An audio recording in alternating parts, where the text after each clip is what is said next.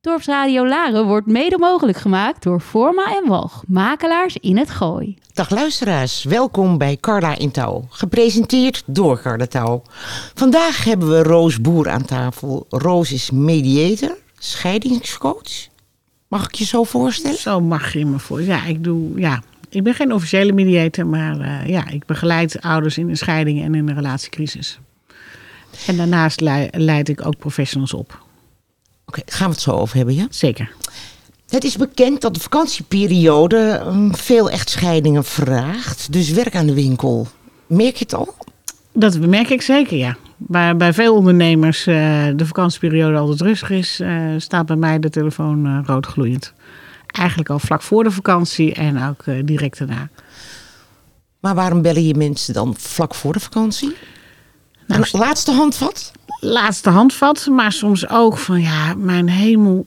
Eigenlijk ben je er dan al uit, ben je er al, misschien wel al klaar mee. En dan zit je er ook tegenaan te hikken om nog drie weken met, met hem of met haar uh, uh, ja, een beetje leuk moet doen. Alsof het gezin nog uh, bij elkaar is, maar dat het eigenlijk al niet meer is. En wat, wat kan jij ze helpen? Nou, als, als je echt zoveel twijfels hebt, zeg ik altijd: zeg het wel voor de vakantie. Er zijn ook heel veel mensen die ermee wachten en na de vakantie dat dan zeggen. Nou, dan krijg je altijd het stukje van: ja, wat stelde die vakantie dan nog voor? Of uh, was het dan allemaal nep? Of ja, dat. Terwijl vaak nog iemand zegt van nou ja, ik wil het nog een keer proberen. Of kijken of het dan nog terugkomt, het gevoel. Maar ja, tegendeel is meer, minder waar natuurlijk. Want wat gebeurt er? Op het moment dat je met elkaar op vakantie bent, ja, je bent uit de dagelijkse sleur. Waar je normaal nog uh, acht uur of negen uur per dag elkaar niet ziet omdat er Veilig kan voelen, ja. Zit je nu ineens natuurlijk op elkaars lip. De kinderen vragen aandacht. Uh, je wil ook even uh, tot rust komen en dat lukt eigenlijk niet. Want je bent met iemand op vakantie die misschien wel niet meer helemaal als je partner voelt. Nee. En de irritaties worden dan ook groter, hè? Ja, je kan ook niet meer vluchten, hè? Precies. Nee. Ineens denk je, wat is het toch een zagrijnige kerel? Of wat doet hij toch weinig? Of wat is hij toch altijd aan het mopperen? Of hoe ik moet eten? Of wat ik verkeerd doe? Of hoe ik de, hoe ik de handdoek ophang op het... Uh, hè? Want daar komen ze dan bij mij mee. De boel is geklapt. Op Want, het tandpasta-dopje. Tandpasta-dopje en alle andere suffe dingen. Hè? De handdoeken die er niet goed ophangt. En uh, de afwas die uh, ik altijd alleen moet doen. En ja, en daar gaat het natuurlijk niet om. Nee, maar waar gaat het dan wel om? Nou, dat is hetgene wat ik binnen mijn werk doe. de kernaanpak die ik heb ontwikkeld is erop gericht om naar de kern van het probleem te gaan. Niet uiteindelijk de ruzie van de week. En dat is vaak wat bij relatietherapie gebeurt. Dan wordt ruzie van de week helemaal uitgeplozen. En dan, nou, dan gaan we het daar heel lang over hebben. Maar is ook niet waar het over gaat. Het gaat natuurlijk altijd aan, aan de laag eronder. En eigenlijk misschien wel drie, vier lagen eronder. Ja, wat wordt er nou toch in jou geraakt, keer op keer, door jouw man, je vrouw, dus je partner. Uh, wat iedere keer zo'n pijn doet. Maar dat is niet alleen in uh, man-vrouw relatie, maar dat is natuurlijk families, werk. Dat is absoluut. Overal aan gerelateerd, ja, toch? Dat is overal aan gerelateerd. Alleen onze partners, die moeten het allemaal goed doen. Ook met die collega of in een vriendschap, in een familie, die zien die iedere dag. Nee, kan je wat afstand van Daar nemen? kan je wat afstand van nemen. Dus het leuk hebben in een familie op een verjaardag is een stuk gemakkelijker dan dat je met iemand leeft. Ja, zo'n avondje is te doen, hè? Een avondje is nog wel te doen. Kunnen we ons nog wel een beetje... Ja, we nemen nog een glaasje champagne. Waarom een glaasje. Niet? Ja, dat is toch... Bubbeltjes doen wonderen. Nee, dat is altijd makkelijker, makkelijker. Maar dan kom ik bij jou. Ja. Um, vrouwen, mannen? Of maakt dat... Wie belt jou het meest? Oh, dat is grappig. Die vraag krijg ik vaker. Um, ik zit toch echt wel aardig op de 50-50. Mannen en vrouwen. Voorheen was het, ik zit echt wat meer op het zachte deel van de scheiding. Ik vind namelijk dat uh, er veel te veel gericht wordt op uh, als mensen niet goed gaan in een relatie, maar ook als we uit elkaar gaan. Ja, is het uh, convenant regelen en ouderschapsplan, afspraken, is allemaal zakelijk. Maar je moet emotioneel moet er het nodige gebeuren. En doe je dat niet, dan hou je dus gedonder. Dan komen al die moeilijke scheidingen en vechtscheidingen van vandaan. Omdat er onvoldoende ruimte is voor de emotie. Maar het zijn er nog echtparen die met elkaar kunnen spreken als ze in scheiding liggen? Tuurlijk. Gelukkig een heleboel wel. Uh, er zit namelijk toch een hele belangrijke loyaliteit naar elkaar en vaak ook naar het gezin. Ja, als er kinderen zijn is het toch is wel handig. Ja, dat helpt heel erg mee, maar het is ook heel zwaar. Er wordt niet bijverteld als we kindjes krijgen, deze mooie lieve roze wolkjes, wat voor impact die hebben op een partnerrelatie. En die is immens en die wordt ontzettend onderschat. Want daar beginnen vaak de, de eerste scheurtjes aan. In de rolverdeling die verandert. Willem, jij bent er niet en ik zit er weer alleen voor. Bijvoorbeeld, maar ook gewoon, je krijgt een andere rol die, ja, dat weten we allemaal, we hebben allemaal kinderen, dat ehm, hoe ontzettend de impact onderschat wordt. Hoe groot ook de verantwoordelijkheid is die je hebt. Dus het gaat echt wel verder dan alleen maar luiers verschonen natuurlijk. Ja, Je gaat ja. mensen in de wereld zetten, je moet ze dingen leren. En nou ja, laten nou dat die dingen zijn die, eh, die het moeilijk maken. Bijvoorbeeld dat we ze niet leren hoe ze met emoties om moeten gaan. Maar sinds wanneer ehm, hebben we het daarover? Want ik kan me niet, voor, niet meer herinneren dat er in mijn jeugd... dat mijn moeder vroeg, god kind, hoe is het nou toch met je? Precies.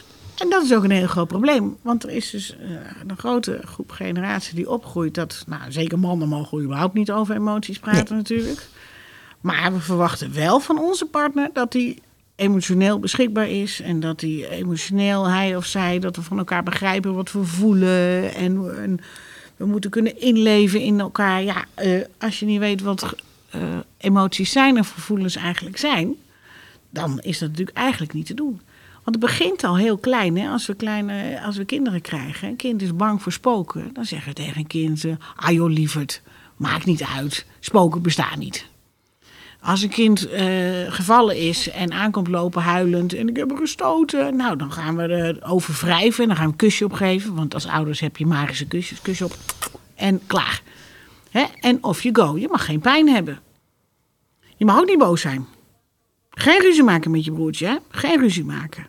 Maar het zijn allemaal volstrekt normale emoties. Maar we leren dus eigenlijk dat dat niet mag. We hebben ook geleerd dat eh, ouders bijvoorbeeld ook hun emoties niet mogen laten zien. Nou, daar ben ik, eh, ben ik het niet mee eens. Laat ze maar wel zien. Ook in moeilijke situaties in het leven. Dus ook bij een scheiding. En nee, ik zeg natuurlijk niet dat je de hele dag slaande ruzie moet maken met elkaar. Nee, dat gaan we niet doen.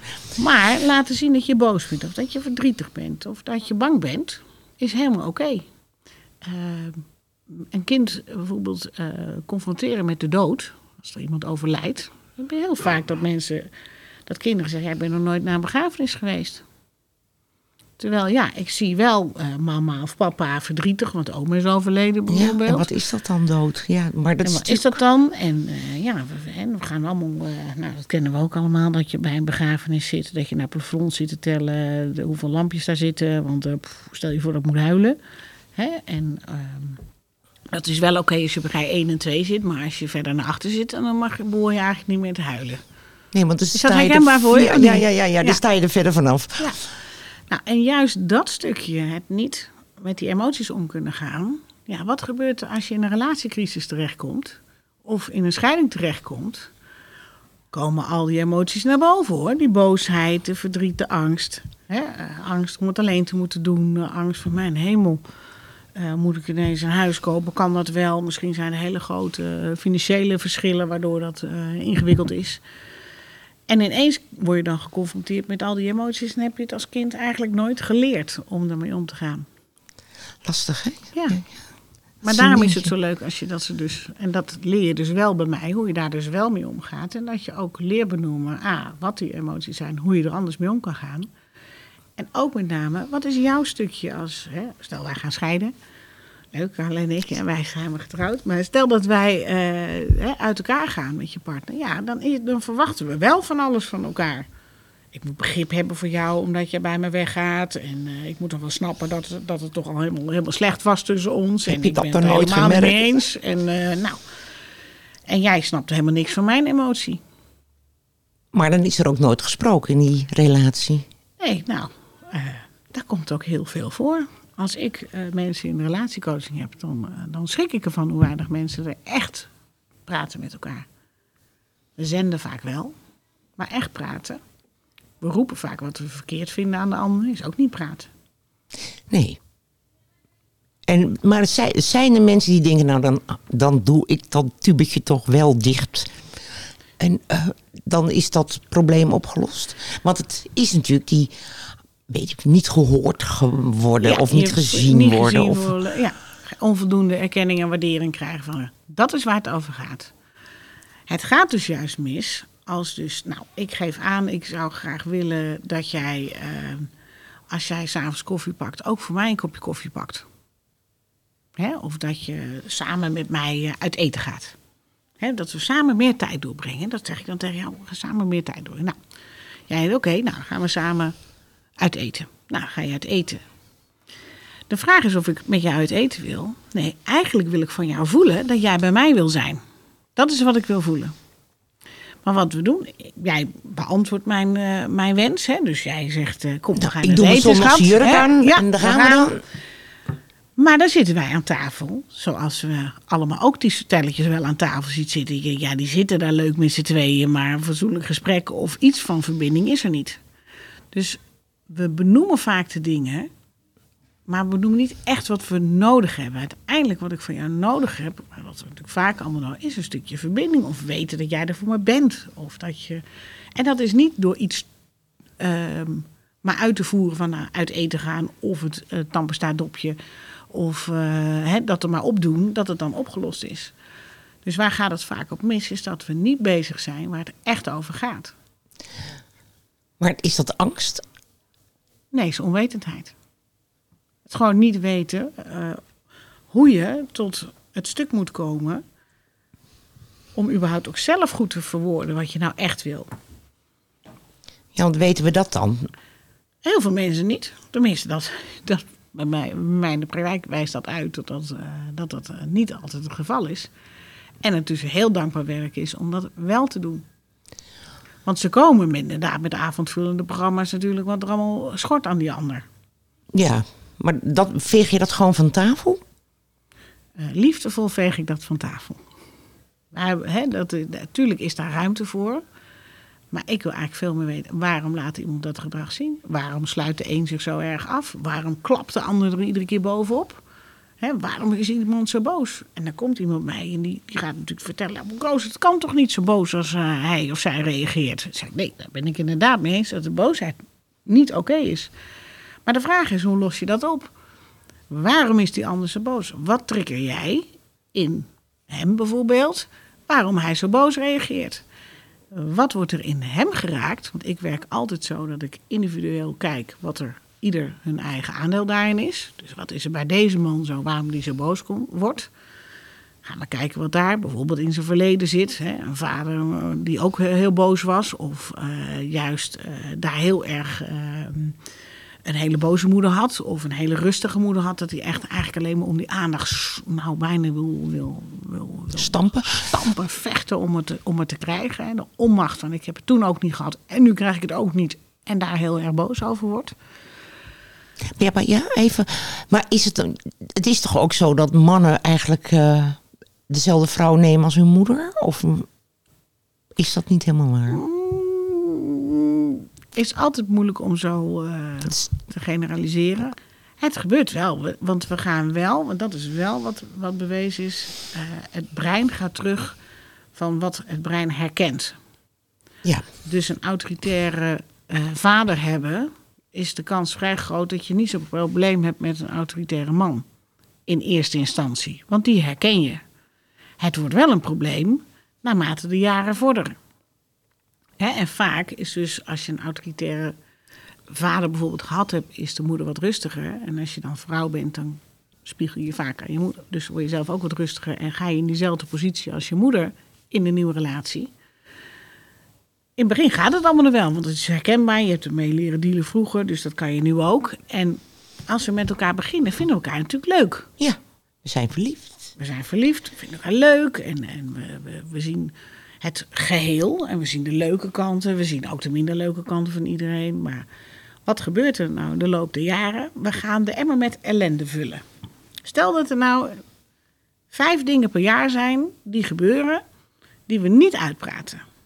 En ik noem er maar vijf. En ik stop die in een bakje, die vijf dingen. En wij zijn twintig jaar samen. Ja, een aardig gevulde bak ja hoor, dan heb je een, lekker emmertje vol. Ja. Ja.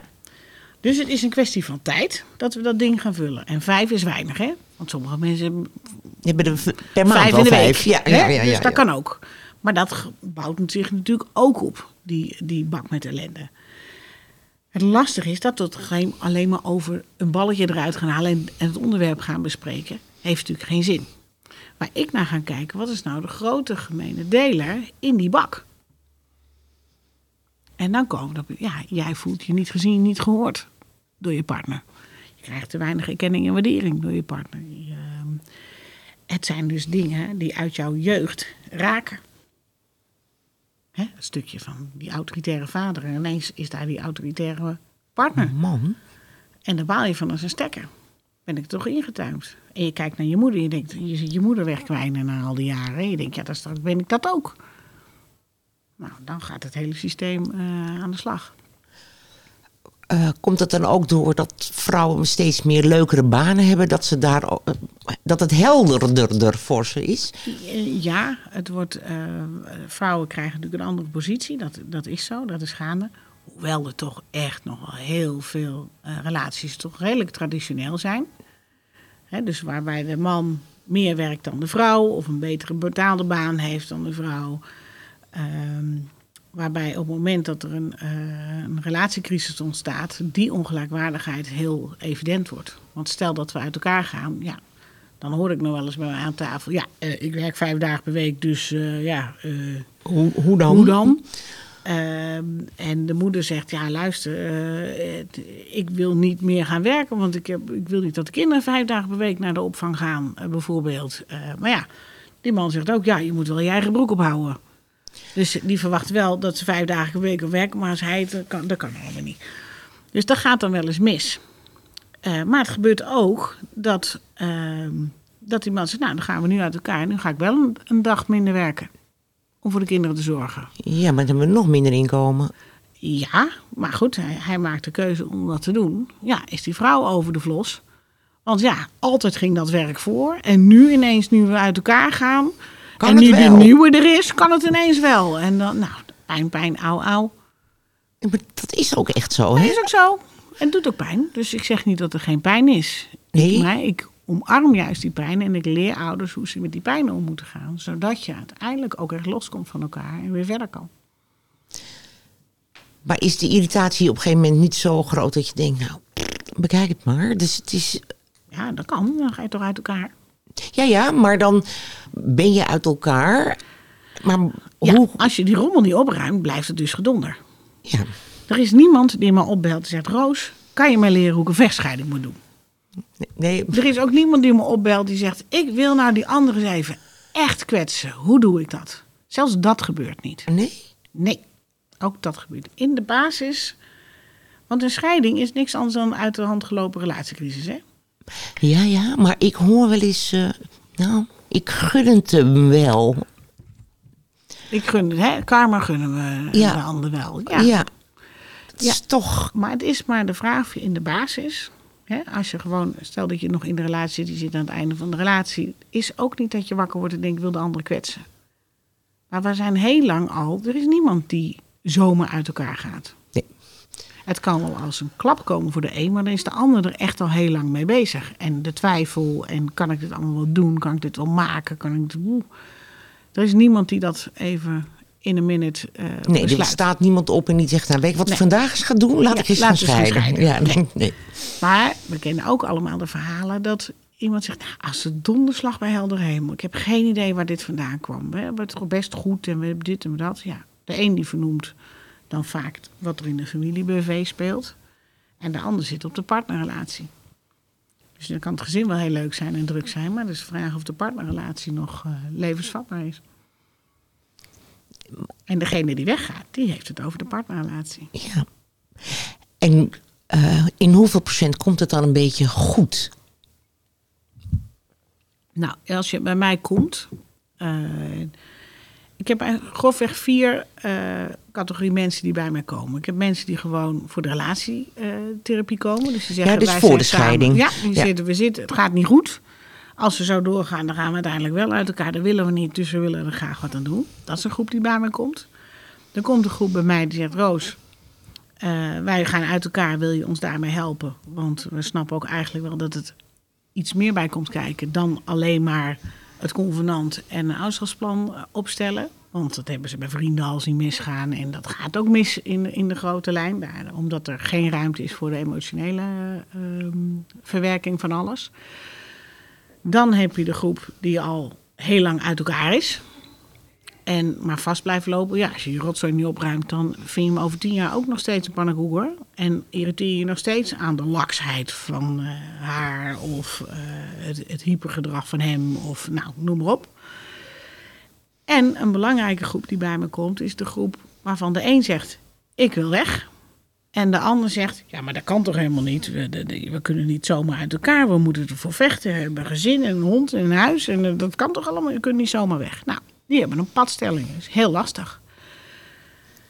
Als je die aan de mediatietafel zet, ja, dan wordt oorlog. Ja, Dat gaat niet. Je kan iedereen bedenken. Toch? Kunnen we allemaal ja, dat, bedenken ja, nu, dat is niet moeilijk. Nee. Ja, maar deze groep kan dus eigenlijk nergens heen. Behalve naar de mensen die met de kernaanpak werken. Want daar is er ruimte voor. Wat ga ik dan vervolgens doen? Ik zeg, luister. De komende zes tot acht weken wil ik het woord scheiden niet horen en de relatietherapie ook niet. Dus je krijgt het allebei niet. Pauze.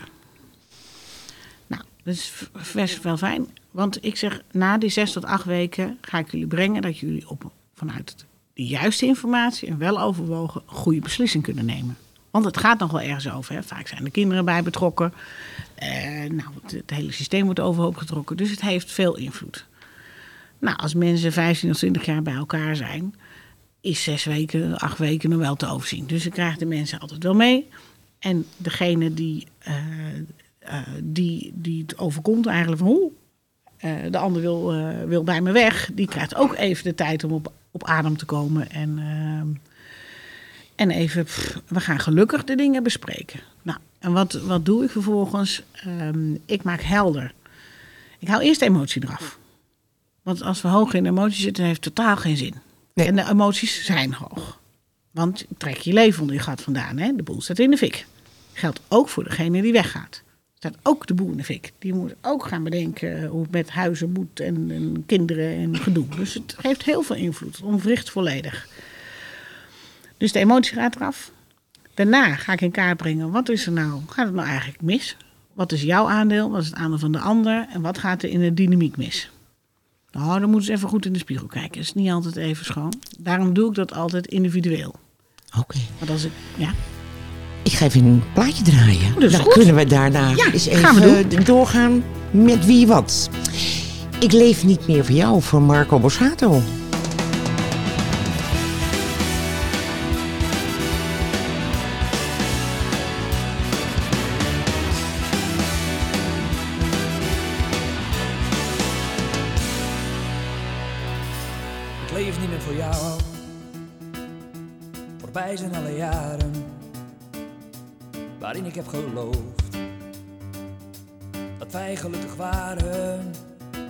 En nu het leven weer van mij is, mijn hart sinds lange tijd weer vrij is, ben ik zo blij dat het voorbij is. Oh, oh. Ik leef niet meer voor jou. Je hoeft niet te proberen om hier te blijven staan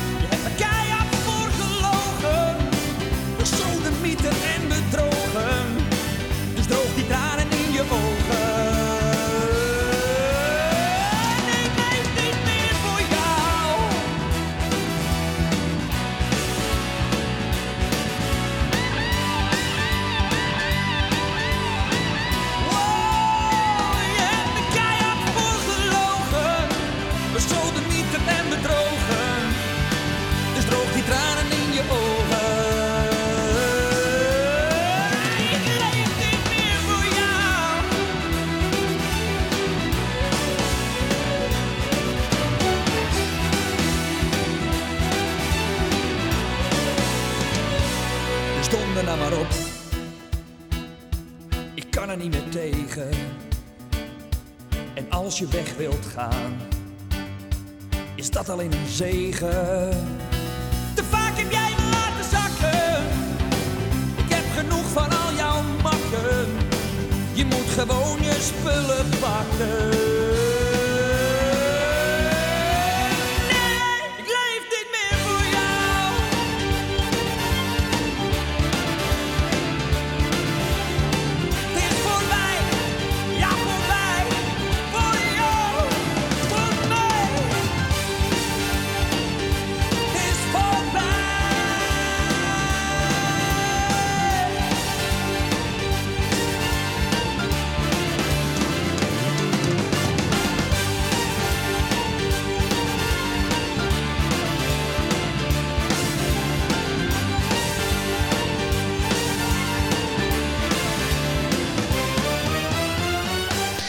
Ja, die arme Marco, die heeft het toch ook maar niet... eh, niet heel, die wordt ook niet heel blij. Nee. Maar bij de partners, bij- zijn we bij de vrouw? Of degene die weg wil? Ja, dat maakt, dat maakt eigenlijk niet. hè. Dat maakt eigenlijk, wat, wat er namelijk gebeurt is dat er ruimte is voor allebei. En je dus na die zes tot acht weken pas tot een besluit komt. En dan eh, weten we ook, we kunnen alleen de relatietherapie eh, ingaan als beide dat willen. Is dat helder? Dat zeg ik vooraf, weet iedereen. Als Maar- één van beiden wil scheiden, dan gaan we uit elkaar. Gaan we de scheiding formaliseren. Maar ik heb ook regelmatig dat degene die zei ik wil weg, dat die wil blijven. En dat degene die, eh, die zegt eh, ho ho ho, dat die zegt ik wil eigenlijk wel uit elkaar. Maar wat ik nu zie, want omdat we het over het juiste gaan hebben. Dus we gaan het niet over paniekvoetbal hebben van oh jee, hoe moet het allemaal met de toekomst en daardoor hou ik vast. Nee, het moet gedegen zijn waarom we bij elkaar willen blijven. Geef je ze die zes tot acht weken een boodschappenlijstje mee? Nou, we gaan hard aan de slag natuurlijk met elkaar. Want komen ze dan iedere week terug? Ik zie ze dan eh, ongeveer eens in de twee weken. En eh, ja, daar, eigenlijk maak ik in hele korte tijd he- heel sterk duidelijk wat er, wat er, waar de schoen wringt. En wat jij daarin te doen hebt, wat de ander daarin te doen heeft. Ik kan natuurlijk niet in zes weken helemaal oplossen. Maar ze krijgen wel de eerste handvatten al. En we gaan het niet meer hebben over de ruzie van de week. Maar heb je ze dan individueel of komen ze samen? Eh, beide. Ze komen dus sa- in principe, melden, ze gaan samen het traject in. Maar 70% is individueel en 30% is maar gezamenlijk. Ja. Maar dat je in ieder geval je hart kan luchten en dat je Zeker. bij jezelf kan komen. Nou ja, en ik ga jou ook aanspreken op jouw eh, aandeel van het geheel. Nou, stel dat ik nou, want ik ga natuurlijk precies de dingen benoemen die Ja, die ander over jou roept, hè? Maar dus die wat doe ik nou mis? Ja, jij doet natuurlijk niks mis, dat snap ik, Carla.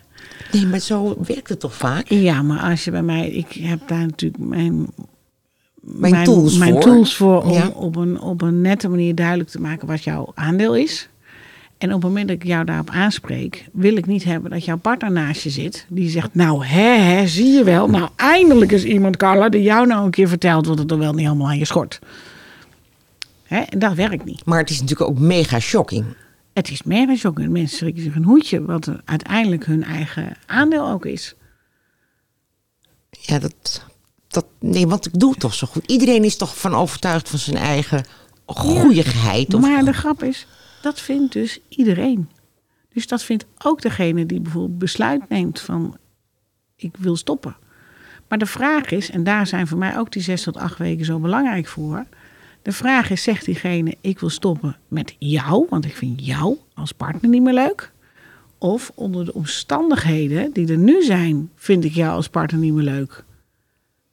Want dat is natuurlijk wat er vaak is. Juist. Want ja. ergens zijn mensen op elkaar gevallen, vinden elkaar leuk. Nou, ik zeg ook altijd, volgens mij is er niemand echt daadwerkelijk veranderd. Toch? We hebben geen hersentransplantatie Nee. ondergaan of iets. Dus diezelfde persoon zit er nog onder. Maar ik krijg natuurlijk altijd wel te horen. Ja, wat ik vroeger altijd zo leuk vond. Dat, dat hij zo'n rots in de branding was. Ja, ik word nu gek van die rots, want hij beweegt niet. Hè? Of eh, het, het, het heerlijke regelen wat, wat zij allemaal deed, want daar was ze zo goed in. Ja, ik word er knettergek van. Ze kon, het lijkt me controlefreak tot en met. Maar dat is omdat we niet meer het totaalplaatje gaan zien. We gaan shiften van alle leuke dingen. Want die waren er toen ook al. ja. Alleen ja, als die bak met ellende gevuld raakt, ja, dan wordt dat dus ingewikkeld. zijn er onderhoudsbeurten voor, voor huwelijken? Ja, die zijn er ook. Die, eh, en die- heel graag. Nou ja, als je het mij in mijn hart vraagt. Want ik ben ooit met scheidingen begonnen. Maar omdat ik het niet over de ruzie van de week ga hebben. Maar over wat is er echt aan de hand. Wat wordt er nou aan jou zo geraakt? Hè, wat is nou iedere keer wat de ander... En we, raken elkaar over en weer. Er is niemand die dat echt bewust doet. Zeker niet in een relatie. Dus eh, we rennen ons allemaal slag in de ronde. Maar het is eh, de vraag of we het, eh, het juiste geven aan onze partner. Dat, dat lukt niet altijd. En daar zullen allerlei redenen voor zijn, dus prima. Maar ja, als dat gebeurt, dan verlies je elkaar dus. Ehm, en omdat ik dat zo in kaart bracht, wat er nou eigenlijk allemaal echt speelt, en niet die ruzie van de week, kreeg ik heel vaak te horen van, oh jee, maar als we dit hadden geweten, hadden we niet uit elkaar gehoeven. Nee. Dus toen dacht ik, nou, dan moeten we er maar eens relatietherapie van maken. Dus ik heb wat ik doe gegoten in de relatietherapie. Ik doe namelijk exact hetzelfde bij relaties als bij scheidingen. Vinden mensen wel heel raar als ik dat zeg. Ik zeg, ja, maar het gaat mij niet om het gedrag. Het, het kan me niet schelen hoe jij eh, nu doet tegen de ander. Want je doet het met een reden. En ik ga naar die reden toe waarom je dat doet. En als ik die reden, als we daar wat aan doen... dan heb je het rare gedrag aan de bovenkant niet meer nodig.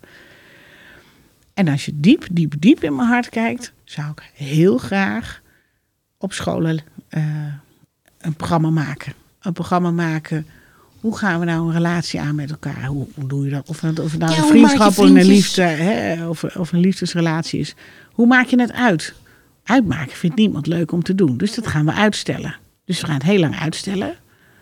Totdat er een ander leuk meneertje of een vrouwtje langskomt. Dan gaan we vreemd. Zijn we allemaal verbaasd. Oh, dan gaan we allemaal zeggen. Oh, stout, stout, stout. Want iemand gaat vreemd. Maar het, het begint bij het stuk. Niet in staat zijn om eerder ook die keuze te durven maken. Eh, het is ook een ander niet willen kwetsen. Want Ja. daar is die weer. Bang zijn voor al die emoties die dan komen. Maar als je geleerd hebt hoe je met die emoties omgaat, hoef je er ook niet meer bang voor te Ja, aan twee kanten hoef je er ook niet meer bang voor te zijn.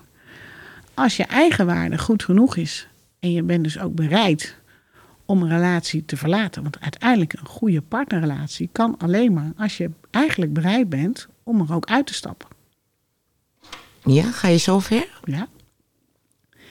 Want anders raken we, hè, als de afhankelijkheid, afhankelijkheid komt, jij moet mij gelukkig maken of ik moet jou gelukkig maken, dan zijn we al verloren.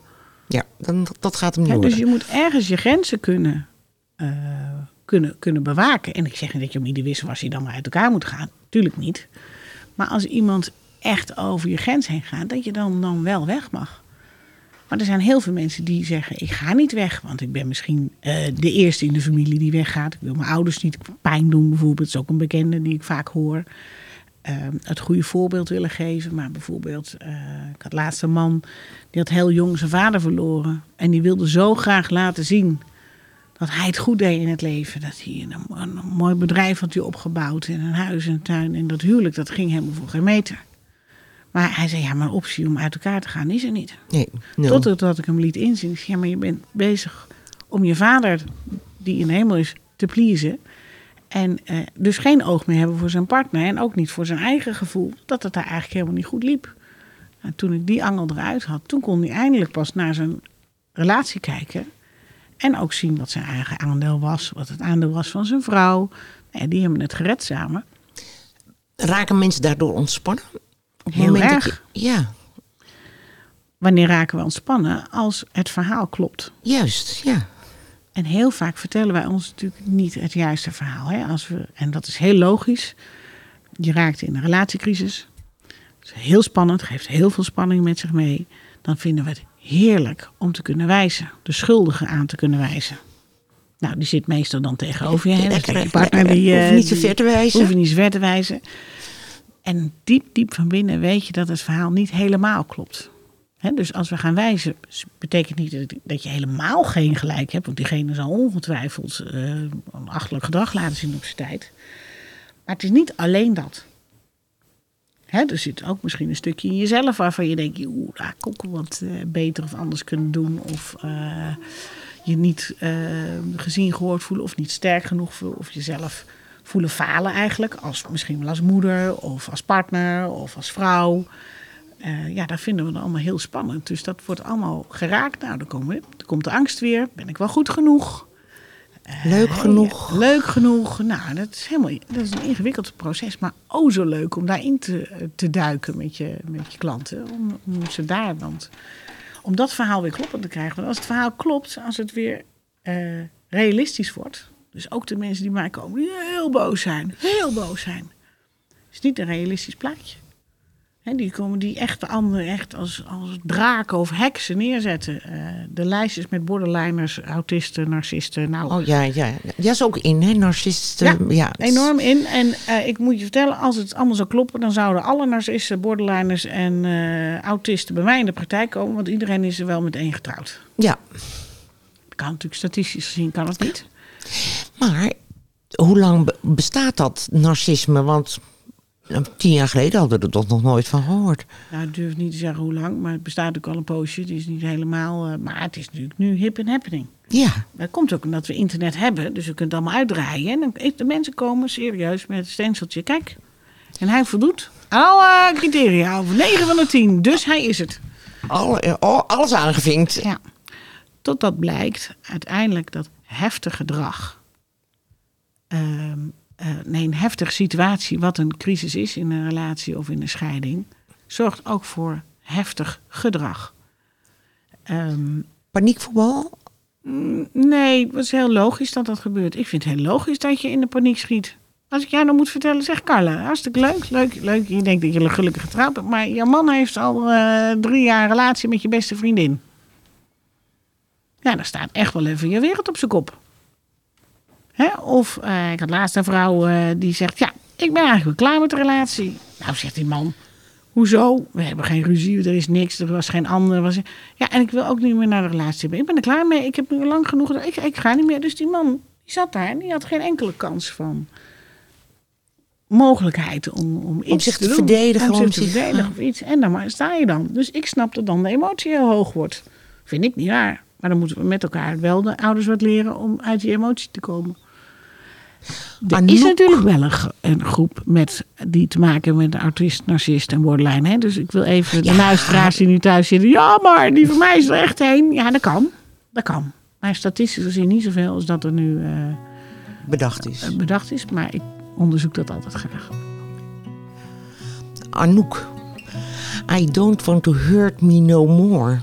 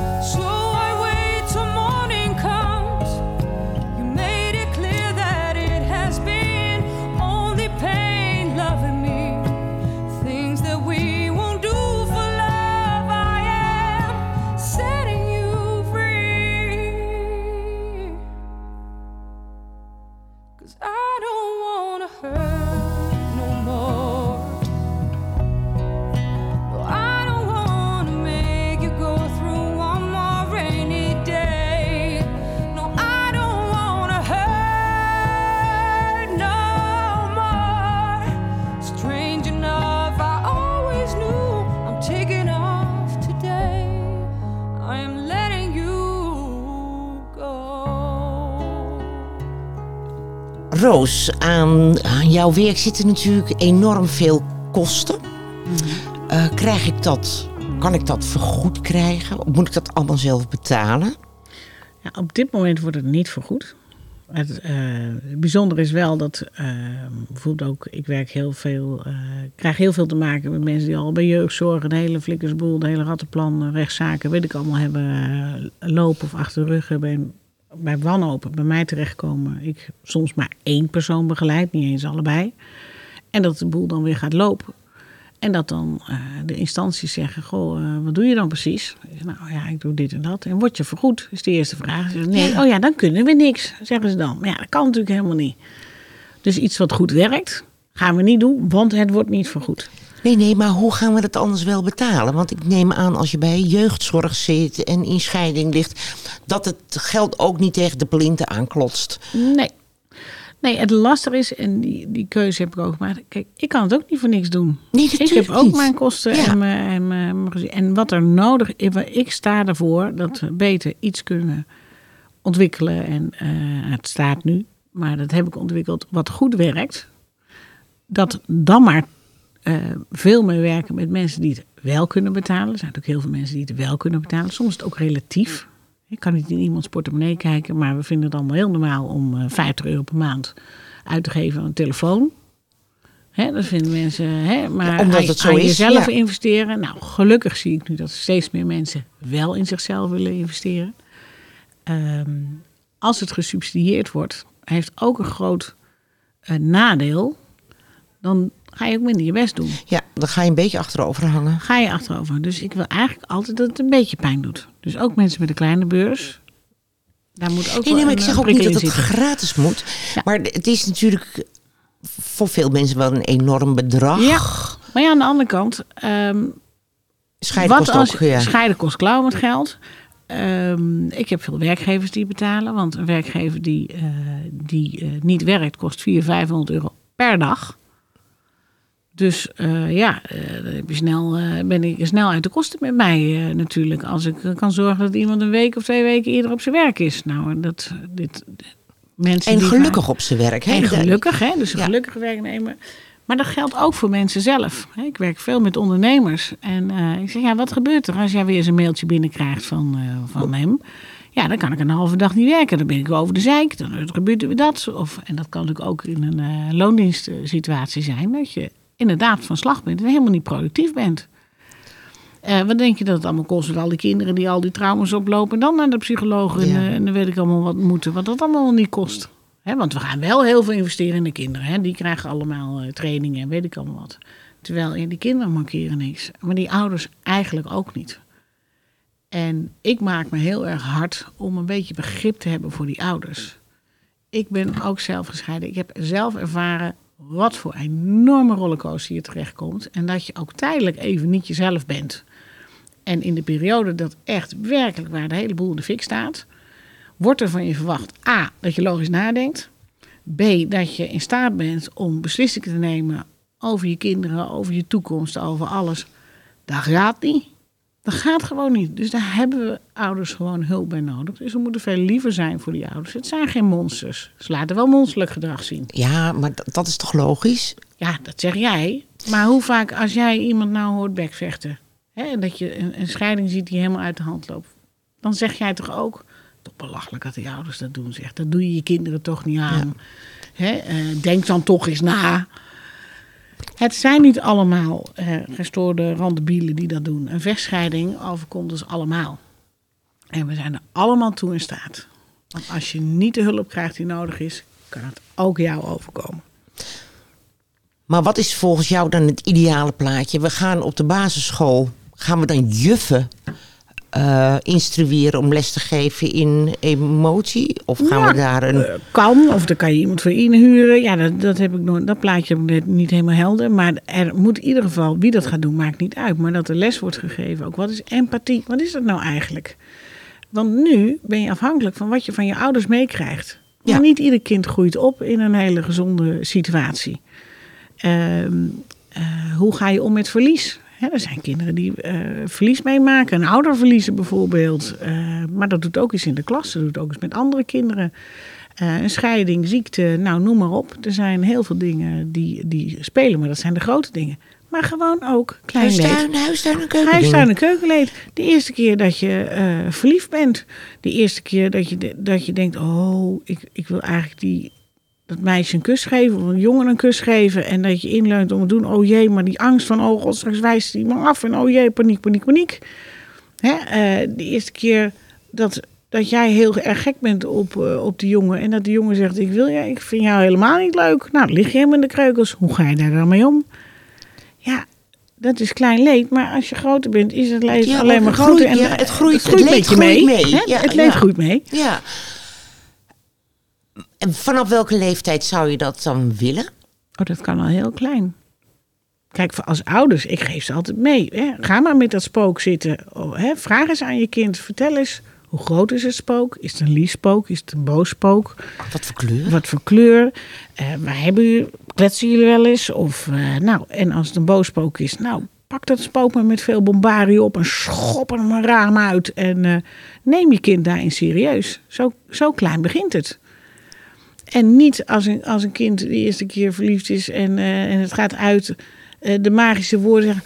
Ach jochie, er zijn er zoveel meisjes op de wereld. handvol. Maar ja, Ja.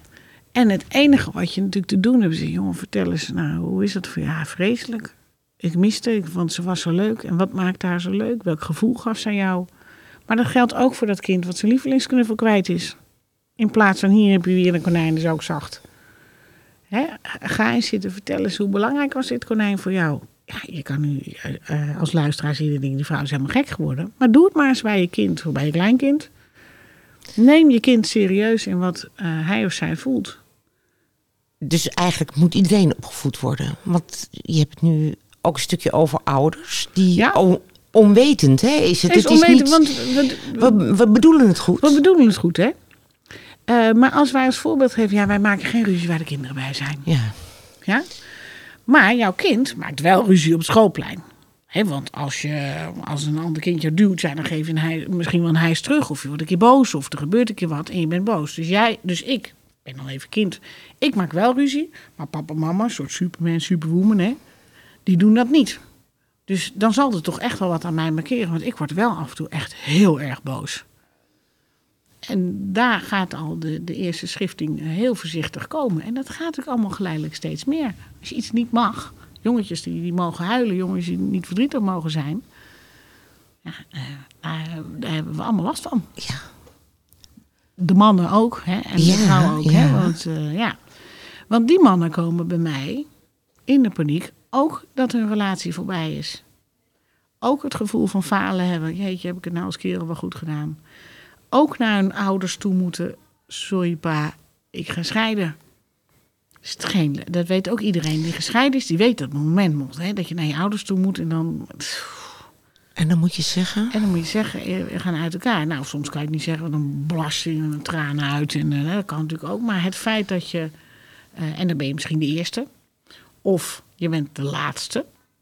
Hè? Dus dat je je, je ouders de Oh, boodschap moet al brengen jij dat al jouw al, kinderen gescheiden zijn. Ja. Hè? Dus, nou, en dan voel je je als, eh, als ouder of als oma in dit geval dan ook heel schuldig. Heb ik dan iets verkeerd gedaan, want al mijn kinderen gaan scheiden. Ja. Waar is het over- misgegaan? Waar is het misgegaan? Nou ja, heel vaak als ik het afpel in eh, het, het niet hebben leren omgaan met emoties. Hè, als, want als het er dan zover is in een, in een scheidingssituatie, of met overlijden of met ziekte, dan komen vaak een enorme berg met emotie naar boven. En, dan weten we het En dat is een soort tsunami. Hè? Ja. is te veel voor wat uiteindelijk het onderwerp is. En dat is ook de reden waarom scheidingen vaak uit de hand lopen. Hè? Want waarom loopt de scheiding bij de ene uit de hand en bij de ander niet? Want een scheiding is voor iedereen even ingrijpend. Er is niemand die dat eventjes eh door fietst en dat het allemaal eh, maar Nee. leuk en aardig is. Nee, het loopt uit de hand omdat er waarschijnlijk dingen of uit je verleden meespelen. Hè, je wordt weer geraakt. Ik had een, eh, een dame die eh, bij mij kwam en hij ging bij haar weg. Maar haar vader was ook weggegaan bij het gezin. Dus die had haar ook verlaten en het gebeurde nog een keer. En ze legde bij haar partner neer. Je weet toch hoe belangrijk het voor je is. En je weet dat ik al eerder eh, verlaten ben. eh, of mijn vader eh, mijn moeder bedrogen heeft. En dan doe jij dat nu bij mij. Dat kan jij niet maken. Dus die geen overzicht meer hebben over wat er in de relatie gebeurt. Maar die, die laag komt er dus bovenop. En die moet er af. Want dat zijn de relatie, dat zijn de scheidingen die uit de hand lopen. Omdat je niet sec alleen het stuk kan bekijken wat, het, wat in de relatie gebeurt. Maar er dus heel veel meespeelt uit je jeugd. Spannend. Maar, en hoe gaan we het allemaal op? Ja, het is natuurlijk niet allemaal op te lossen, maar gewoon allemaal in therapie? Of Nou, ik vind het belangrijk. Ik wil eigenlijk het woord heel therapie niet horen. nee, nee, maar of, eigenlijk- of, of een, een zelfhulpboek of Nou, het boek zal er van- van- vanzelf wel komen. De opleiding is er nu. Dus ik ga nu professionals opleiden met, eh, met de kernaanpak. Dus de, de manier om dus tot die kern te komen en bezig te gaan met waar het echt over gaat. Dat is eigenlijk in, in vogelvlucht eh, waar de kernaanpak voor staat. Ehm, waar, wat ik heel graag zou willen, hè, zoveel jaar geleden, als je ging scheiden, eh, ging je naar de advocaat. Toen kwamen we erachter dat het toch best wel een beetje een harde business is. Dus eh, toen hebben we de mediation in het leven geroepen. En de mediation is nog steeds gericht op het zakelijk leren, regelen van een scheiding. En ik sta ervoor dat we nu de mediation aanvullen met een stuk emotionele begeleiding. Dan heb je het totaalplaatje, emotionele begeleiding. En natuurlijk ook gewoon het zakelijke op een goede manier eh, doen. dat we uiteindelijk allemaal een je, soort. Ja, dat je ook verder kan, want je moet ook uit elkaar mogen kunnen. Ik ben, ik ben ook van mening dat het soms misschien voor kinderen wel beter is als papa's en mama's uit elkaar gaan. Hè, maar dan wel op de goede manier. Roos, dankjewel. Alsjeblieft. We gaan nog één stukje muziek luisteren. I Will Survive van Gloria Gaynor.